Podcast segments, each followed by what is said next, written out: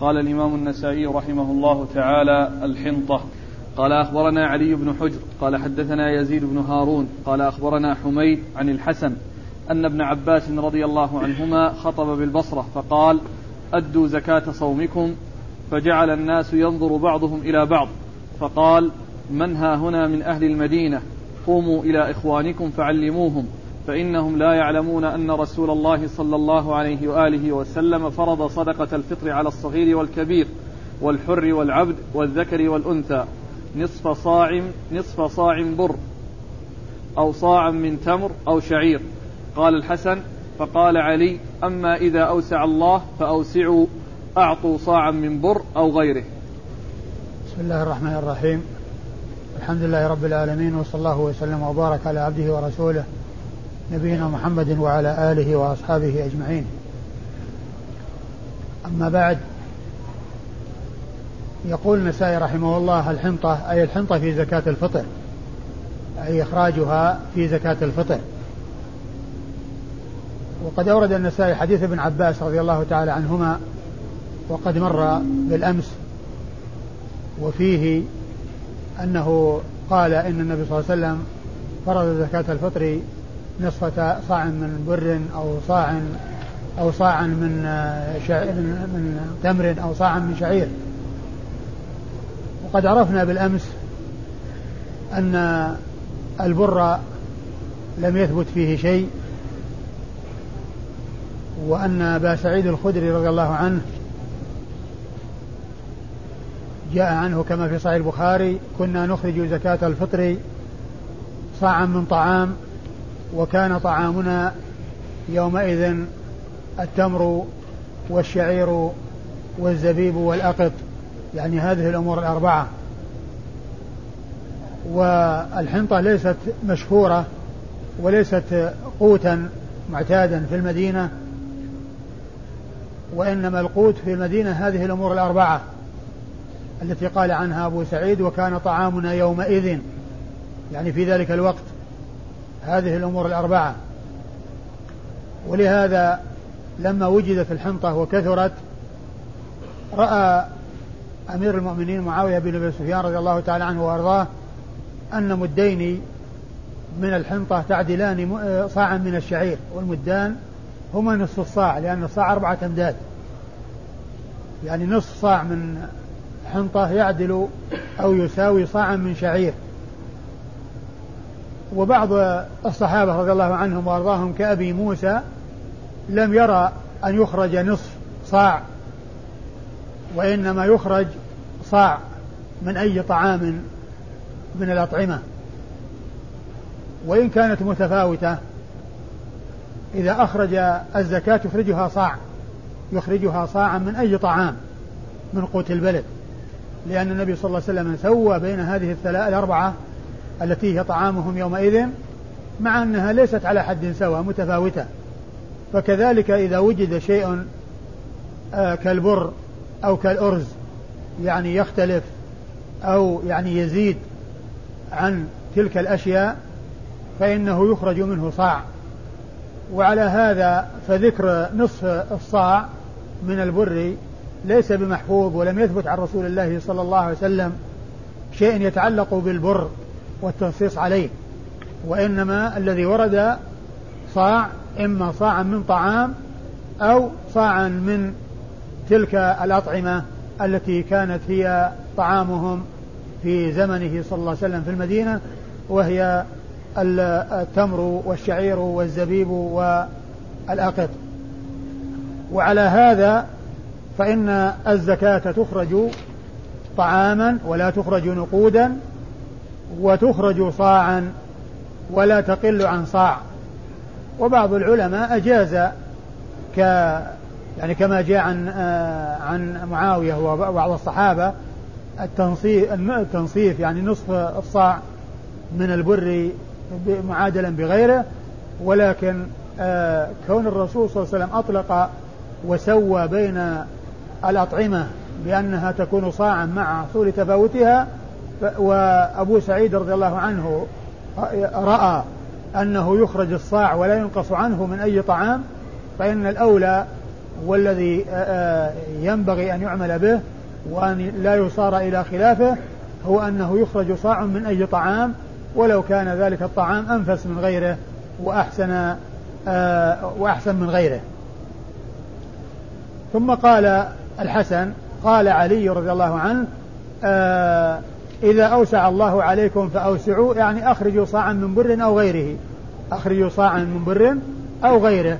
يعني أن هذا الذي آه آه الذي آه فيه كلام وفيه خلاف بين الصحابة رضي الله عنهم وأرضاهم أن الأولى للإنسان أن يأخذ بما هو الأكمل وبما هو الأحوط وأن يكون ذلك صاعا من أي طعام من بر أو غير بر سواء كان من المسمى المسميات التي كانت الطعام في ذلك الوقت أو الأشياء التي لم تكن طعاما ولكنها طعام لكثير من الناس لا سيما مثل الرز في هذا الزمان الذي يعتبر هو القوت الرئيسي عند كثير من الناس وهو لا يحتاج إلى طحن كالبر فالإخراج يكون صاعا.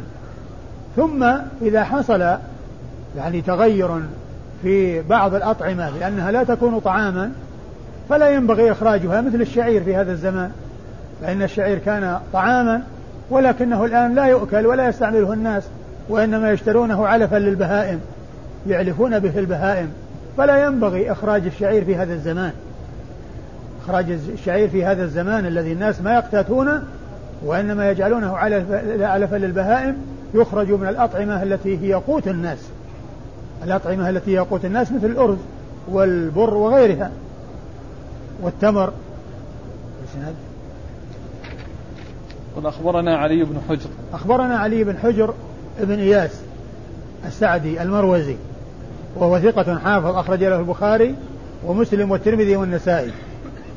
عن يزيد بن هارون. عن يزيد بن هارون الواسطي وهو ثقة أخرج له أصحاب الكتب الستة. عن حميد. عن حميد بن أبي حميد الطويل وهو ثقة أخرج له أصحاب الكتب الستة وذكروا في ترجمته أنه مات وهو قائم يصلي. يعني توفي وهو قائم يصلي يعني خرجت روحه وهو قائم يصلي رحمة الله عليه وحديثه أخرجه أصحاب الكتب الستة. عن الحسن. عن الحسن بن أبي الحسن البصري وهو ثقة فقيه يرسل ويدلس وحديثه أخرجه أصحاب الكتب الستة. عن ابن عباس. عن ابن عباس عبد الله بن عباس بن عبد المطلب ابن عم النبي صلى الله عليه وسلم وأحد العبادلة الأربعة من أصحابه الكرام وهم عبد الله بن عباس وعبد الله بن عمر وعبد الله بن الزبير وعبد الله بن عمرو بن العاص. وأيضا هو أحد السبعة المعروفين بكثرة الحديث عن النبي صلى الله عليه وسلم وهم أبو هريرة وابن عمر وابن عباس وأبو سعيد وجابر وأنس وأم المؤمنين عائشة رضي الله تعالى عنهم وعن الصحابة أجمعين. قال السلت. قال أخبرنا موسى بن عبد الرحمن. قال حدثنا حسين عن زائدة. قال حدثنا عبد العزيز بن أبي رواد عن نافع عن ابن عمر رضي الله عنهما أنه قال كان الناس يخرجون عن صدقة الفطر في عهد في عهد النبي صلى الله عليه وآله وسلم صاع من شعير أو تمر أو سلت أو زبيب. ثم أورد النسائي هذه الترجمة وهي السلت أي السلت في زكاة الفطر. إخراج السلت والسلت هو نوع من الشعير. نوع من الشعير آه، يقال له السلت. فهو يعني يدخل في الشعير وله اسم يخصه يقال له السلت. لأنه نوع من الشعير لا قشر له.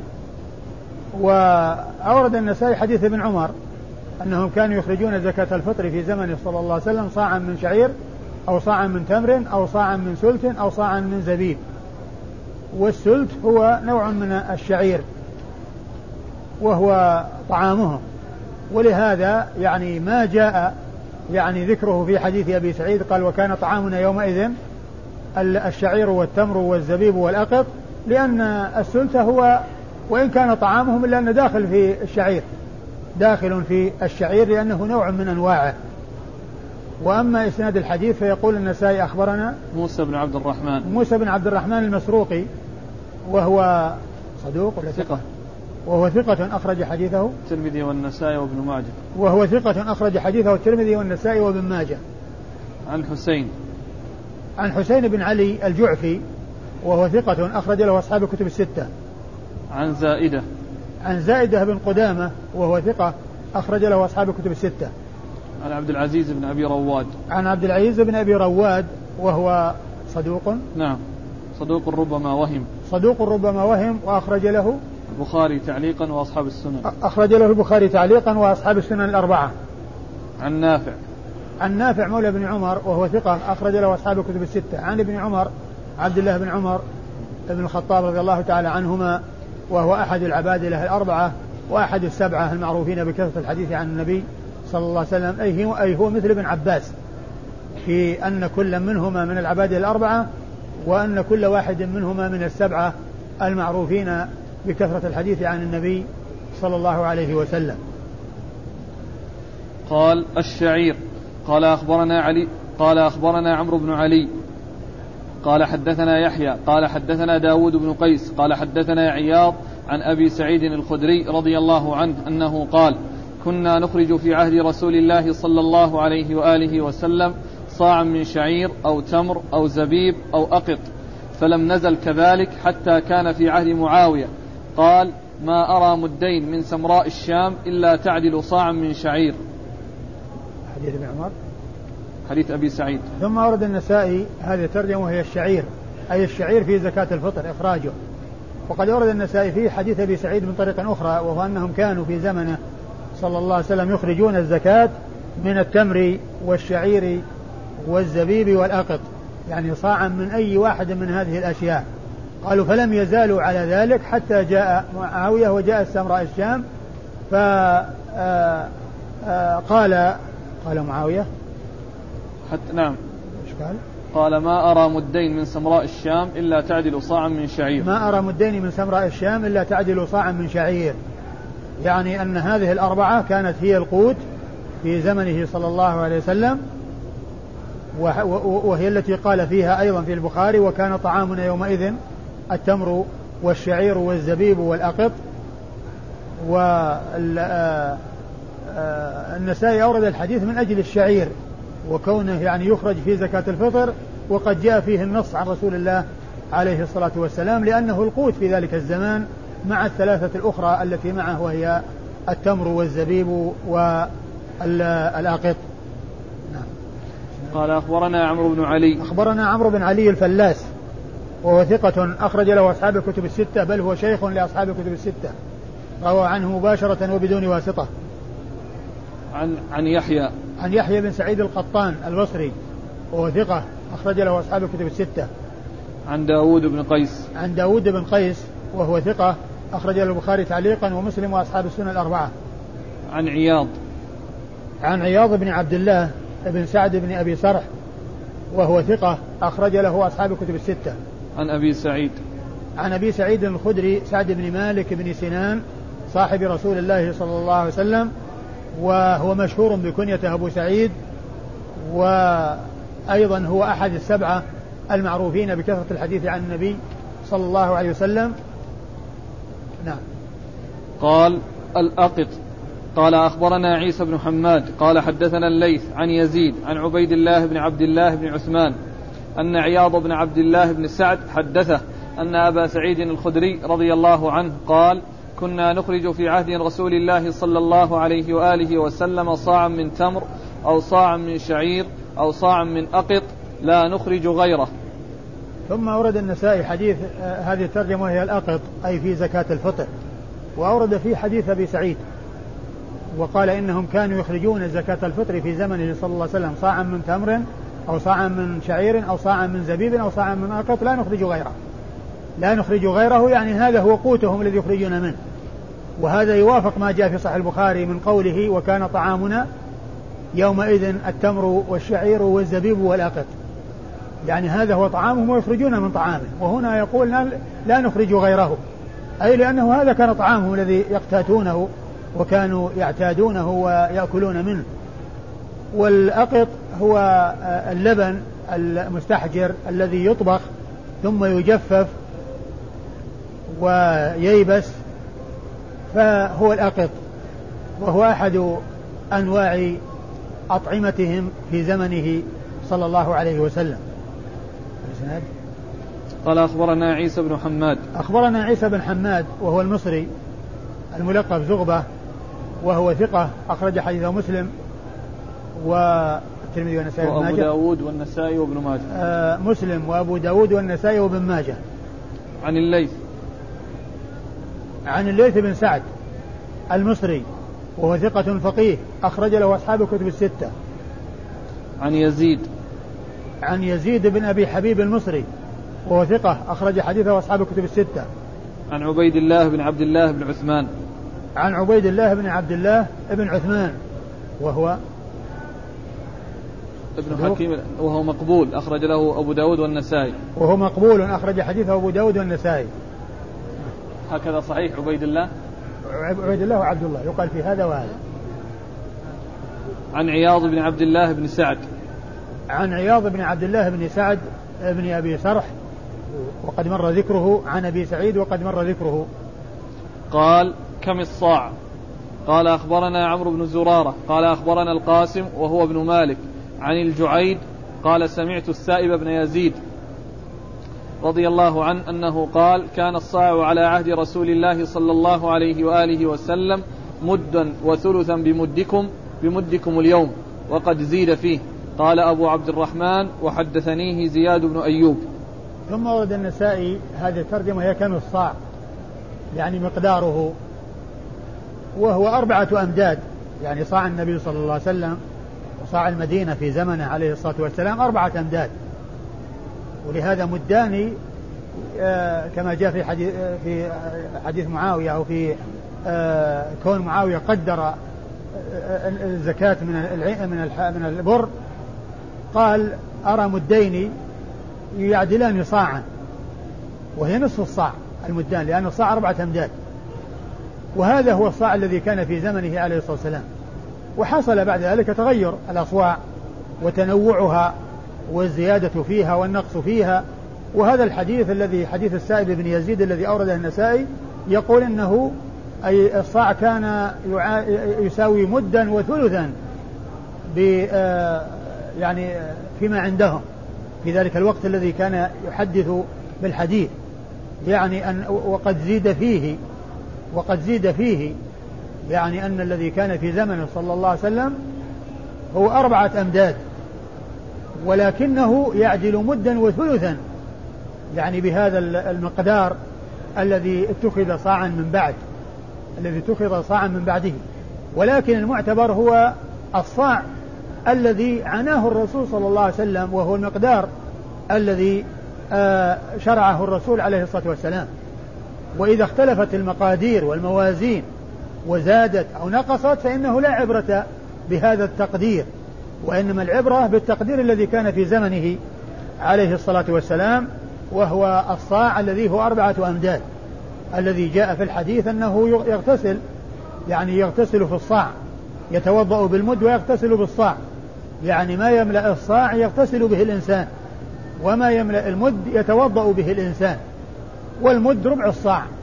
والمد ربع الصاع. فإذا التقدير إنما هو بالصاع الذي هو الصاع في زمنه صلى الله عليه وسلم ولا ينظر إلى الآصع والمكاييل إذا تغيرت بالزيادة والنقصان لأنها ليست معتبرة بل المعتبر هو ما أشار إليه النبي صلى الله عليه وسلم وعناه النبي عليه الصلاة والسلام.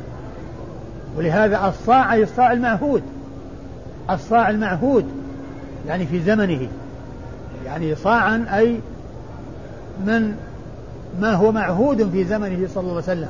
وليس المقدار وليس المقصود أي صاع يكون بعده سواء كبر أو صغر لأنه قد يكبر. يعني الصاع وقد يكون المد أكبر من الصاع أيضا. مثل ما هو موجود في هذا الزمن المد أكثر من الصاع. المد مقدار كبير يعني عند عند الناس يعني في المدينة هو أكبر من الصاع. فإذا ليست العبرة بالمكاييل التي هي بعد زمنه صلى الله عليه وسلم بل المعتبر هو ما عناه الرسول عليه الصلاة والسلام عندما شرع للناس أن زكاة الفطر تكون صاعا. من أي نوع من أنواع الأطعمة التي آه، يأكلها الناس؟ والتي يطعمها الناس. وأما إسناد الحديث؟ يقول أخبرنا عمرو بن زرارة. أخبرنا عمرو بن زرارة النيسابوري وهو ثقة أخرج حديثه البخاري ومسلم والنسائي. عن القاسم وهو ابن مالك. عن القاسم وهو ابن مالك وهو آه، صدوق آه، آه، له خطأ كثير. صدوق فيه لين. صدوق فيه لين نعم. وهو صدوق فيه لين أخرج حديثه أصحاب الكتب. إلا أبا داود. أخرج حديثه أصحاب الكتب الستة إلا أبا داود. عن الجعيد. عن الجعيد بن عبد الرحمن. عن الجعيد ابن عبد الرحمن بن أوس وهو ثقة, ثقة. نعم. أخرج له أصحاب الكتب الستة إلا ابن ماجه. أخرج له أصحاب الكتب الستة إلا من ماجه. عن السائب بن يزيد. عن السائب بن يزيد وهو صحابي صغير. يعني قال حج بي مع رسول الله صلى الله عليه وسلم وعمره سبع سنوات. يخبر عن نفسه أنه حج به مع رسول الله صلى الله عليه وسلم وعمره سبع سنوات. فهو صحابي صغير له أحاديث قليلة. صحابي صغير له أحاديث قليلة وحديثه أخرجه أصحاب الكتب الستة. قال في آخره وحدثنيه زياد بن أيوب. قال النسائي وحدثنيه زياد بن أيوب. يعني مثل حديث آآ آآ عمرو بن زرارة. يعني وبنفس الإسناد لأنه ما ساق الإسناد بعده وإنما اكتفى بالإشارة إلى المتقدم.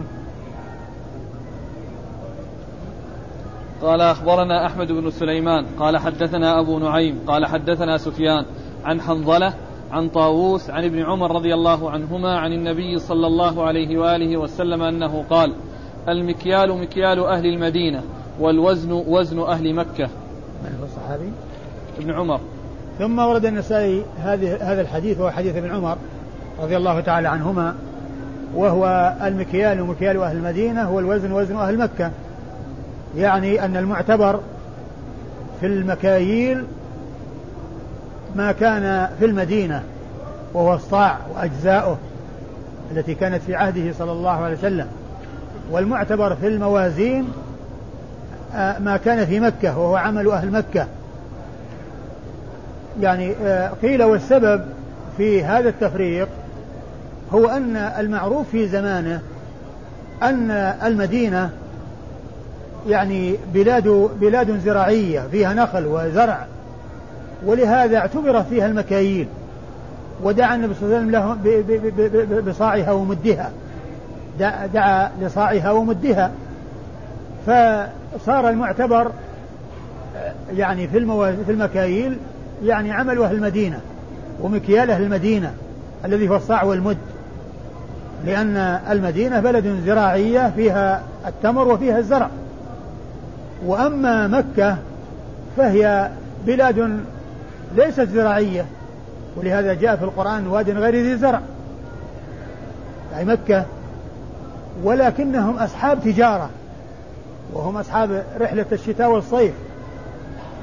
وعندهم التجارة والحجاج يأتون إليهم ويبيعون ويشترون.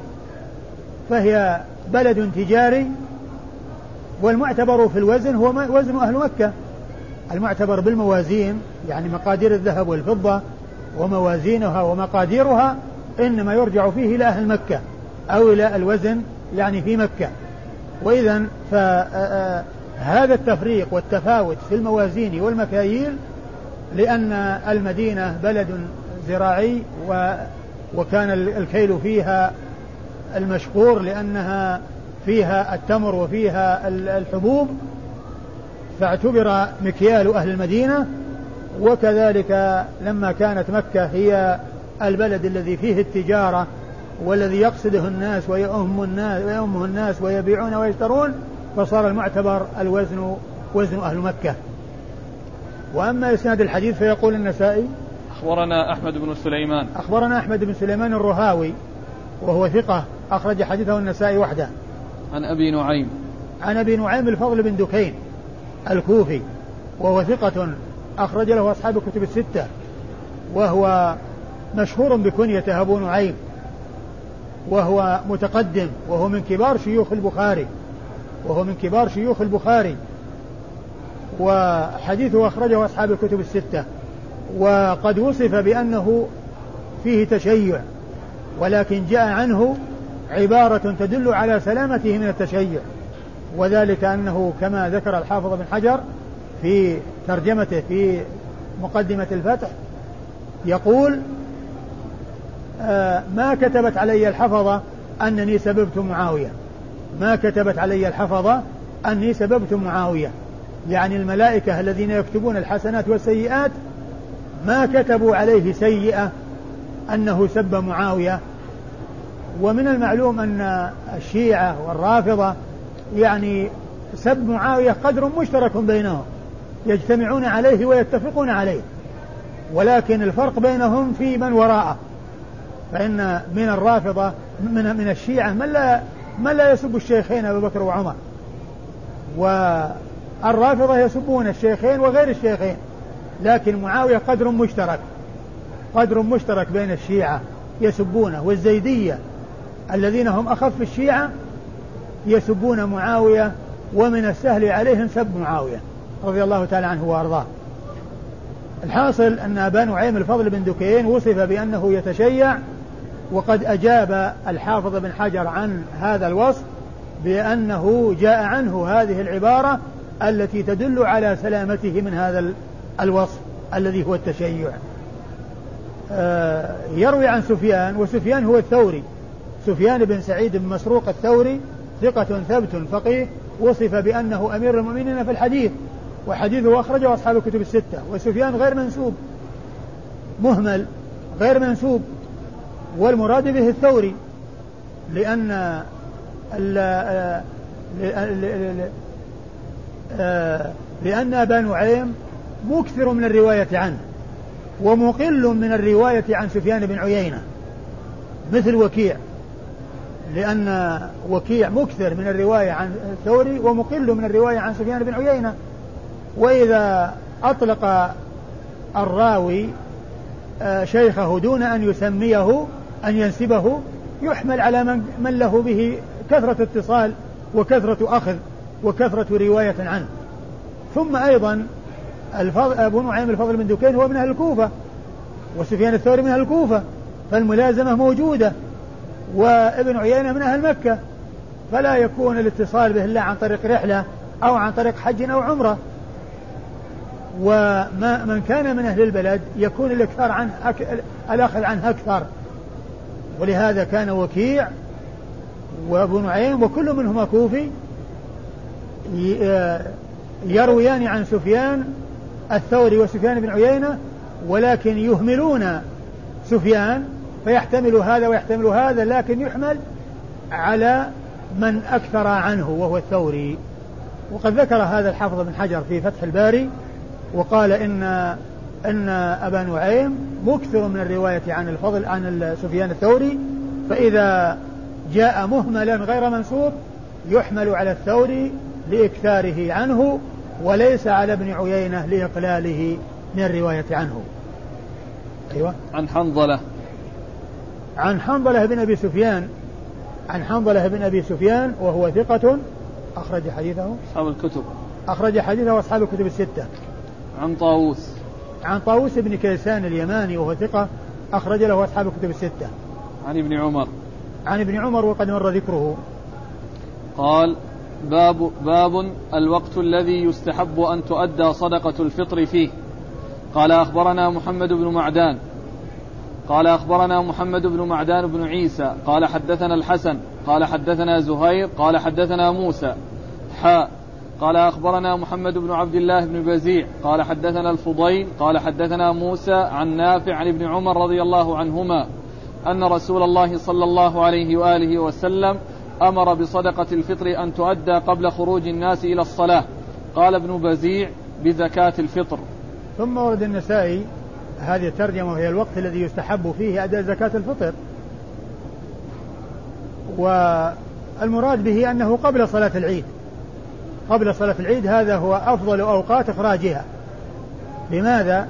لأن الفقراء يستقبلون يومهم وعندهم قوتهم. في ذلك اليوم لا يحتاجون إلى السؤال. يستقبلون اليوم وعندهم الطعام الكافي لهم في ذلك اليوم. وقد جاء في الحديث أغنوهم عن السؤال في ذلك اليوم. فإذا أعطوا في ذلك الوقت معناه استقبلوا اليوم وعندهم الطعام الكافي لهم في يوم العيد الذي لا يحتاجون معه إلى سؤال الناس ولا إلى التطلع للحصول على شيء من الناس. فأورد النسائي ثم أيضا زكاة الفطر هي مضافة إلى الفطر أي الفطر من رمضان. والفطر من رمضان يكون بغروب الشمس في آخر يوم من رمضان. عند ذلك يكون الفطر. فمن ولد بعد غروب الشمس في ذلك اليوم لا زكاة عليه لأنه ما كان في الوقت الذي فيه الفطر وإنما كان بعده. ومن كان قبله يعني آه ومن كان يعني آه كذلك مات قبله لا زكاة عليه لأنه ما وجد يعني كونه أفطر شهر رمضان. ما وجد كونه أفطر شهر رمضان. وإذا فالمعتبر هو قيل لها زكاة الفطر لأنها مضافة إلى الفطر الذي هو إنهاء شهر رمضان. وإنهاء شهر رمضان يكون بآخر يوم منه بإفطار آخر يوم منه بإفطار آخر يوم منه يعني يوجد الفطر. ولهذا يقال للزكاة زكاة الفطر ويقال للعيد عيد الفطر لأنه شكر الله عز وجل على إتمام النعمة وهي صيام شهر رمضان التي آخرها إفطار يوم آخر يوم من رمضان التي أداؤها يكون بإفطار آخر يوم من رمضان. ويجوز إخراجها قبل العيد بيوم أو يومين. لأنه جاء عن الصحابة رضي الله عنهم وأرضاهم أنهم كانوا يخرجونها قبل العيد بيوم أو يومين. فذلك جائز ولكن أفضل أوقات إخراجها يوم العيد قبل الصلاة كما جاء في الحديث. ولهذا جاء في بعض الأحاديث مشروعية استحباب تأخير صلاة العيد يوم الفطر بعد دخول وقتها يعني قليلا واستحباب تعجيل صلاة عيد الأضحى بعد دخول وقتها. لأن في تأخير صلاة عيد الفطر سعة وقت إخراج الفطرة. يكون فيه سعة للناس يخرجون الفطرة زكاة الفطر. وتعجيل زكاة صلاة العيد يوم الأضحى ليتسع للناس وقت الذبح. لأن الذبح ما يكون إلا بعد صلاة العيد ما يجوز قبل صلاة العيد. فتعجل صلاة الأضحى ليتسع للناس وقت الذبح وتؤخر صلاة العيد عيد الفطر قليلا ليتسع للناس وقت إخراج الفطرة. وأما إسناد الحديث فيقول النسائي أخبرنا محمد بن معدان بن عيسى. أخبرنا محمد بن معدان بن عيسى وهو؟ وهو ثقة أخرج له النسائي وحده. وهو ثقة ثقة؟ نعم أخرج له النسائي وحده؟ نعم. ثقة أخرج حديثه النسائي وحده. عن الحسن. عن الحسن بن محمد بن أعين وهو ثقة. صدوق أخرج له البخاري ومسلم والنسائي. وهو صدوق أخرج له البخاري ومسلم والنسائي. عن زهير. صدوق أخرج له البخاري ومسلم والنسائي. نعم. نعم. عن زهير. عن زهير بن معاوية أبو خيثمة وهو ثقة أخرج له أصحاب الكتب الستة. عن موسى. عن موسى بن عقبة المدني وهو ثقة أخرج له أصحاب الكتب الستة. قال حاء. أخبرنا محمد بن عبد الله بن بزيع. ثم قال حاء أخبرنا محمد بن عبد الله بن بزيع وهو وهو ثقة أخرج له مسلم والترمذي والنسائي. وهو ثقة أخرج له مسلم والترمذي والنسائي. عن الفضيل. عن الفضيل بن سليمان. الفضيل بن سليمان وهو صدوق آه، له خطأ كثير. وحديث أخرجه أصحاب الكتب. نعم. وحديثه أخرجه أصحاب الكتب الستة. عن موسى عن نافع عن ابن عمر. عن موسى وهو بن عقبة عن نافع عن ابن عمر وقد مر ذكرهما. قال ثم قال في آخر آخر الحديث قال ابن بزيع بزكاة الفطر. قال ابن بزيع زكاة الفطر. يعني أن الفرق بين محمد بن معدان ومحمد الأول. نعم محمد, محمد بن معدان قال صدقة الفطر. لما يعني ساق الحديث وقال صدقة الفطر. ومحمد بن بزيع مثله إلا أن بدل صدقة الفطر زكاة الفطر. التعبير بالزكاة بدل الصدقة. لفظ هذا مثل لفظ هذا إلا في هذه الكلمة. إلا في هذه الكلمة فإنه خالف خالفه فيها فقال صدقة فقال ابن وزيع زكاة الفطر ومحمد بن معدان قال صدقة الفطر. لأنهما شيخان الشيخ الأول اللفظ له والسياق له. وفيه صدقة الفطر. فأشار بعد ذلك إلى أن الشيخ الثاني في الطريقة الثانية الذي هو ابن بزيع عبارته ليست صدقة الفطر كعبارة محمد بن معدان ولكن عبارته زكاة الفطر. قال إخراج الزكاة من بلد إلى بلد. قال أخبرنا محمد بن عبد الله بن المبارك قال حدثنا وكيع قال حدثنا زكريا بن إسحاق وكان ثقة عن يحيى بن عبد الله بن صيفي عن أبي معبد عن, عن ابن عباس رضي الله عنهما أن النبي صلى الله عليه وآله وسلم بعث معاذ بن جبل رضي الله عنه إلى اليمن فقال إنك تأتي قوما أهل كتاب فادعهم إلى شهادة أن لا إله إلا الله وأني رسول الله فإنهم أطاعوك فأعلمهم أن الله عز وجل افترض عليهم خمس صلوات في كل يوم وليلة. فإنهم أطاعوك فأعلمهم أن الله عز وجل قد افترض عليهم صدقة في أموالهم تؤخذ من أغنيائهم فتوضع في فقرائهم. فإنهم أطاعوك لذلك فإياك وكرائم أموالهم. واتق دعوة المظلوم فإنها ليس بينها وبين الله عز وجل حجاب. ثم أورد النسائي هذه الترجمة وهي إخراج زكاة المال من بلد إلى بلد. يعني حكمه هل هو سائغ أو غير سائغ. ولهذا أطلق الترجمة. يعني إخراج زكاة البلد. هل تخرج أو ما تخرج. وأورد فيه حديث ابن عباس. الذي جاء في آخره صدقة في أموالهم تؤخذ من أغنيائهم فتعطى, فتعطى لفقرائهم. آه، من العلماء من قال إن الضمائر في أغنيائهم وفقرائهم ترجع إلى أهل اليمن. وعلى هذا فلا تخرج الزكاة من بلد إلى بلد لأن ما في دليل. لأنها إذا كان تؤخذ من أغنياء أهل اليمن وترد على فقراء أهل اليمن معناه أنها ما تخرج من البلد. وبعض العلماء يقول أن الضمير يرجع للمسلمين. تؤخذ من فقراء من أغنياء المسلمين وترد على فقراء المسلمين. وعلى هذا يجوز إخراجها من بلد إلى بلد. وترجمة النسائي بالاحتمال لأنه ما قال إخراج مشروعية إخراجها ولا عدم إخراجها وإنما قال إخراج هل تخرج أو لا تخرج؟ لكن الذي يظهر في هذا أنه إذا كانت الحاجة في البلد الذي فيه الزكاة أشد فهم أولى به ولا تخرج لأن هم يرون المال الفقراء فهم أحق بزكاته ما داموا أشد حاجة من غيرهم. أما إذا كانت حاجتهم أخف وحاجة غيرهم أشد من البلاد الأخرى التي ليست فيها المال ليس فيها المال فيجوز إخراجها إلى ذلك البلد الذي فيه الحاجة أشد. وإذا آه كانت الزكاة كثيرة وأخرج بعضها في بلد في البلد اللي فيه المال وبعضها في البلد الذي يكون أشد فلعل هذا هو الأحسن بحيث لا يحرم الفقراء في البلد منها أصلا ولا يترك أولئك الذين هم أشد حاجة وهم ليسوا في البلد أصلا فلا يعطون شيئا. فإذا لوحظ بأن يعطى أهل البلد منها ويعطى غيرهم ممن هو أشد فإن هذا هو المناسب فيما يبدو والله تعالى أعلم. النسائي أورد حديث ابن عباس الطويل والذي سبق أن مر بنا في أول كتاب الزكاة أول حديث في كتاب الزكاة. وذكرت أن بعض المصنفين آه، افتتح به كتاب الزكاة. يعني مثل البخاري صدر به كتاب الزكاة من صحيحه وصدر به كتاب التوحيد من صحيحه. والنسائي كذلك صدر به كتاب الزكاة.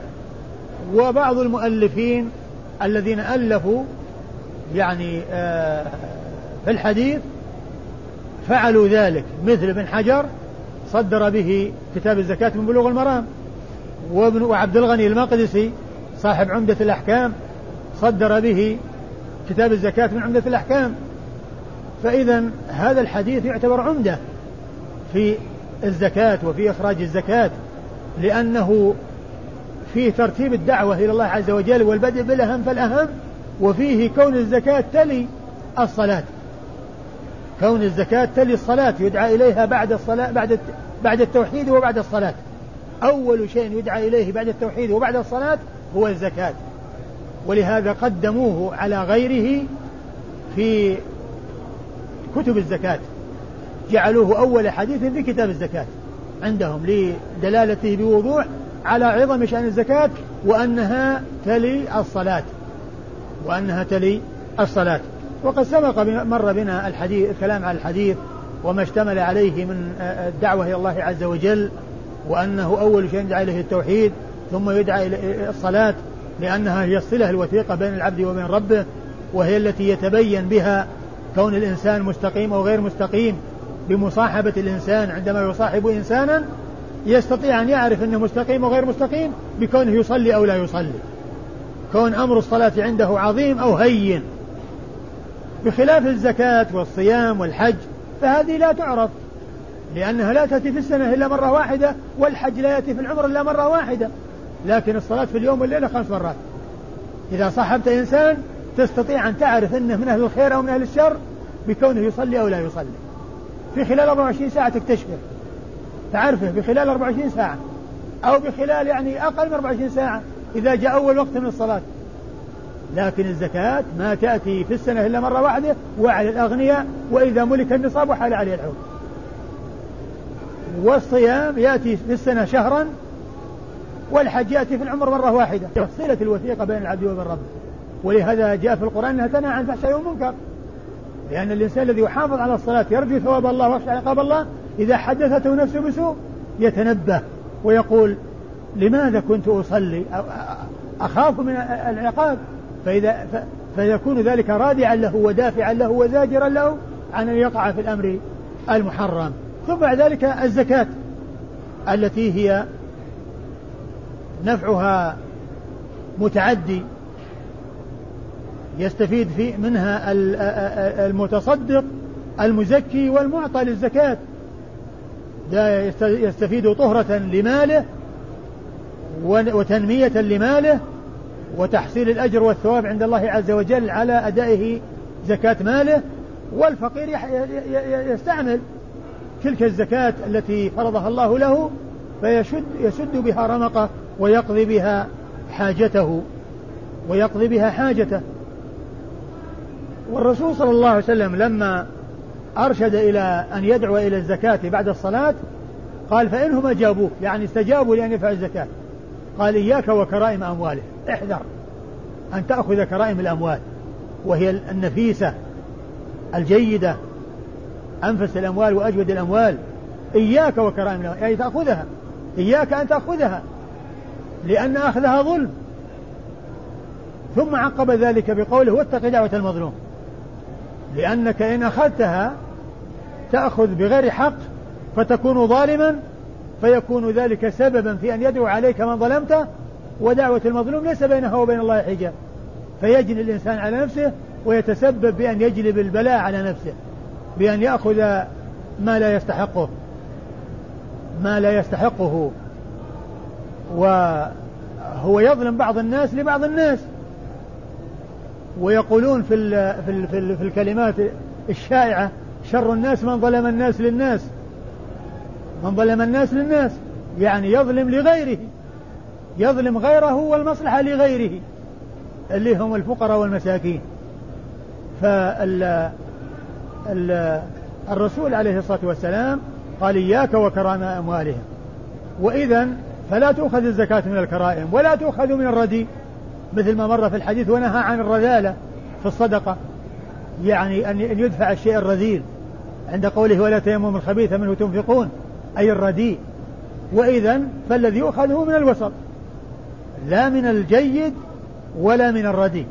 لأن أخذ الجيد فيه إضرار بأصحاب الأموال وظلم لهم. وأخذ الرديء فيه إضرار بالفقراء. وإذا أخذ الوسط فيه الاعتدال والتوسط في الأمور بين الجودة والرداءة وإنما يؤخذ من أوساط المال. يؤخذ من أوساط المال. والمقصود آه، من إيراد الحديث تؤخذ من أغنيائهم فترد على فقرائهم. من قال أن الضمير يرجع إلى أهل اليمن يقول لا يدل الحديث على إخراج المال زكاة المال إلى بلد آخر. ومن قال الضمائر ترجع للمسلمين قال بأنها تخرج الزكاة من بلد إلى بلد. والذي ذكرته من التفصيل لأنه إذا كان البلد الذي فيه الفقراء والمساكين أشد فهم أولى وإذا كان غيرهم أشد فإن كون أولئك يعطون وهؤلاء يعطون هذا هو المناسب. والله تعالى أعلم. وأما إسناد الحديث فيقول النسائي أخبرنا محمد بن عبد الله بن المبارك. أخبرنا محمد بن عبد الله بن المبارك المخرمي وهو ثقة أخرج حديثه البخاري وأبو داود والنسائي. عن وكيع عن زكريا بن إسحاق. عن وكيع وهو ابن الجراح وقد مر ذكره. وكيع بن الجراح الرؤاسي ثقة مصنف حديثه أخرجه أصحاب الكتب الستة. عن زكريا بن إسحاق المكي وهو ثقة أخرج حديثه أصحاب الكتب الستة. عن يحيى بن عبد الله بن صيفي وهو ثقة أخرجه أخرج حديثه أصحاب الكتب الستة.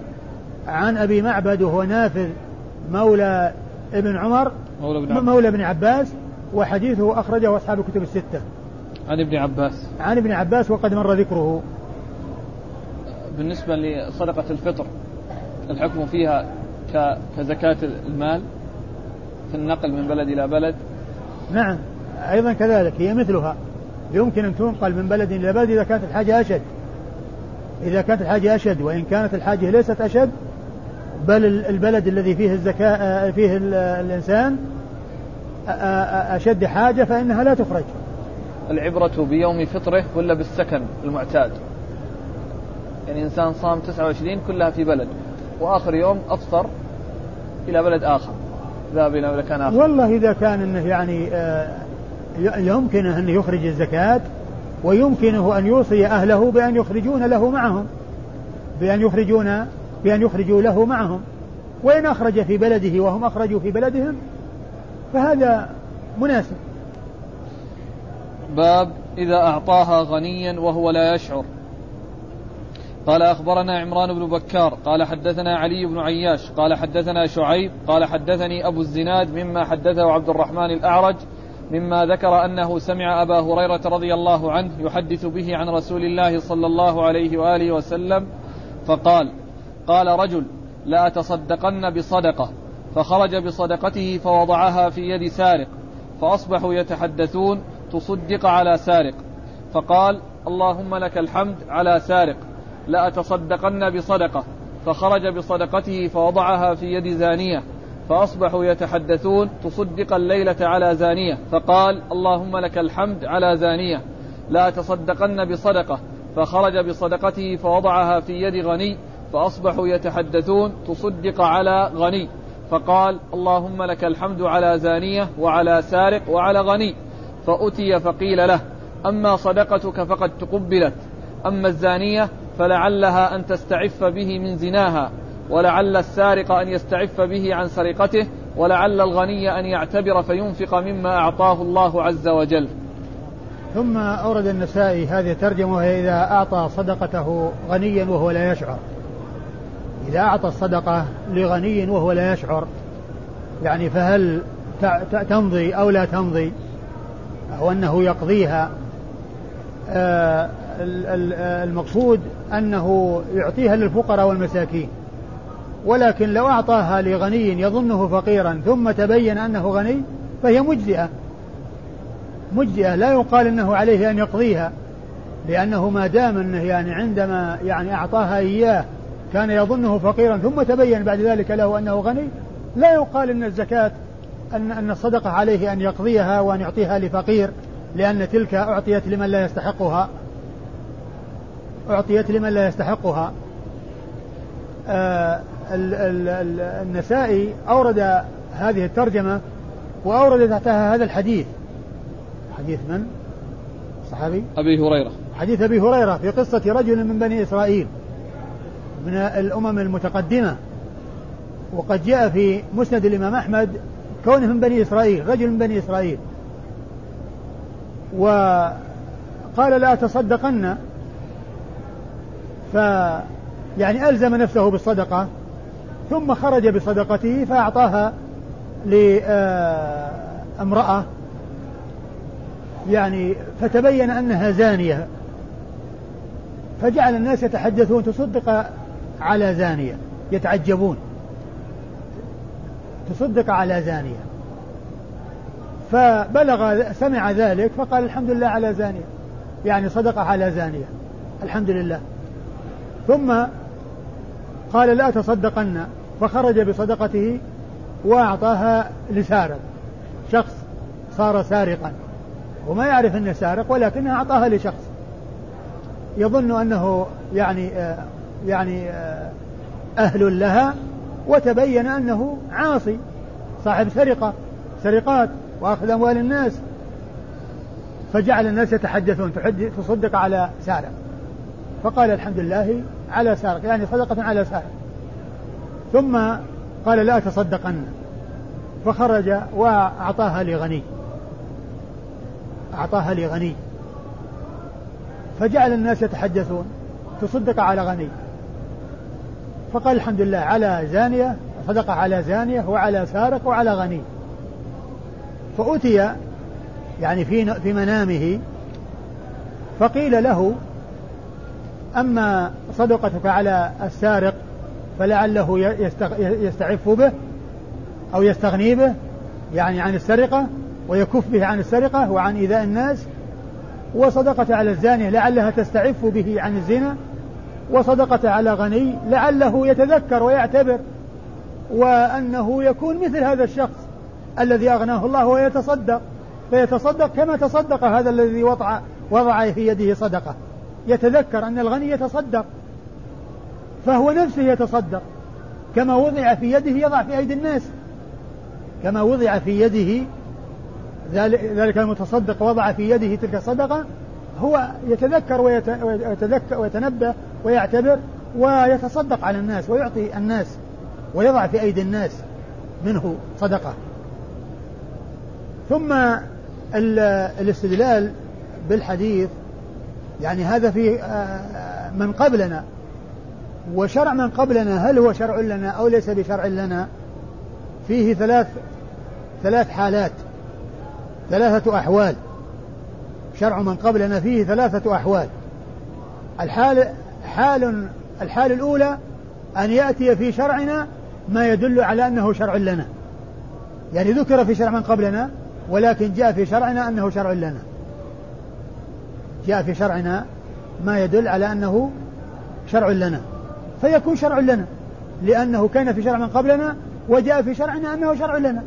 فصار آه الذي آه علينا هو مثل الذي على من قبلنا. الحالة الثانية أن يأتي في شرعنا أنه ليس لنا. ذكر في شرع من قبلنا ولكن جاء في شرعنا أنه ليس لنا. أنه ليس لنا. فهذا ليس لنا لأنه جاء في شرعنا أنه ليس لنا. وإن كان لمن قبلنا. وإن كان لمن قبلنا. يعني مثال ذلك الجمع بين الأختين. كان في الشرائع السابقة لهم وفي شريعتنا ليس لنا. ففي بعض الشرائع السابقة الجمع بين الأختين سائق شريعتنا جاء أنه ليس لنا هذا. يعني منعنا من ذلك وحرم علينا ذلك. فإذا كان في شرع من قبلنا يعني ثم جاء في شرعنا أنه ليس لنا. ثم جاء في شرعنا أنه ليس لنا فإذا لا يكون لنا. آه قتل النفس بالنفس والعين بالعين والأنف بالأنف جاء في التوراة وكتبنا عليهم فيها أن النفس بالنفس والعين بالعين وجاء في شرعنا أن هذا لنا أن هذا لنا. الحالة الثالثة أن يذكر في شرع في شرعنا أنه في شرع من قبلنا لكن ما جاء في شرعنا يعني شيء يدل على إثباته ولا على نفيه. ما دل على أنه لنا ولا أنه ليس لنا. هذه السو... هذه الحال مختلف فيها بين العلماء. جمهور العلماء على أنه يكون لنا. وبعض العلماء يقول أنه ليس لنا. والذين يقولون بأنه لنا يقولون أنه ما ذكر لنا إلا لنعتبر ونتعظ ونستفيد. لأنه ذكر في شرعنا أنه في شرع من قبلنا وما جاء في شيء يمنعنا وما جاء شيء يجعله لنا إذا يكون لنا. إذا يكون لنا. وعلى هذا فالذي جاء في يعني شرع من قبلنا في هذا الحديث أن ذلك الشخص أعطاها لغني وهو لا يشعر واعتبرت صدقته فكذلك لو أن إنسانا في شرعنا أو في هذه الأمة أعطاها لإنسان يظنه غنيا يظنه فقيرا فبان غنيا بعد ذلك فإن الصدقة مجزئة وهي في محلها وخرجت مخرجها وليس آه، عليه قضاؤها. إيش الإسناد؟ قال أخبرنا عمران بن بكار. أخبرنا عمران بن بكار وهو صدوق. وهو ثقة. وهو ثقة أخرج حديثه النسائي وحده. عن, عن علي, علي بن عياش وهو ثقة أخرج حديثه البخاري وأصحاب السنة الأربعة. عن شعيب. عن شعيب بن أبي حمزة وهو ثقة أخرج له أصحاب الكتب الستة. عن أبي الزناد. عن أبي الزناد. وهو عبد الرحمن بن ذكوان. الم... عبد وهو عبد الله بن ذكوان المدني. مشهور بكنية بلقبه أبو الزناد وهو على صيغة الكنية. لأنه ليس كنيته أبو الزناد وإنما لقبه أبو الزناد. على صيغة الكنية. على صفة الكنية. وكنيته قيل أبو عبد الرحمن. ولقبه أبو الزناد. وهو مشهور بلقبه. وهو عبد الله بن ذكوان المدني. وهو ثقة أخرج له أصحاب الكتب الستة. عن الأعرج عبد الرحمن بن هرمز لقبه الأعرج المدني وهو ثقة أخرج له أصحاب الكتب الستة وهو مشهور بلقبه الأعرج. ومعرفة ألقاب المحدثين من الأمور المهمة في علم في علم المصطلح لأن فائدة معرفتها ألا يظن الشخص الواحد شخصين فيما إذا ذكر مرة باسمه ومرة بلقبه. وأبو هريرة عبد الرحمن بن صخر الدوسي صاحب رسول الله صلى الله عليه وسلم وأحد وأكثر أصحابه حديثا على الإطلاق رضي الله عنه وأرضاه. والله تعالى أعلم وصلى الله وسلم وبارك على عبده ورسوله نبينا محمد وعلى آله وأصحابه أجمعين.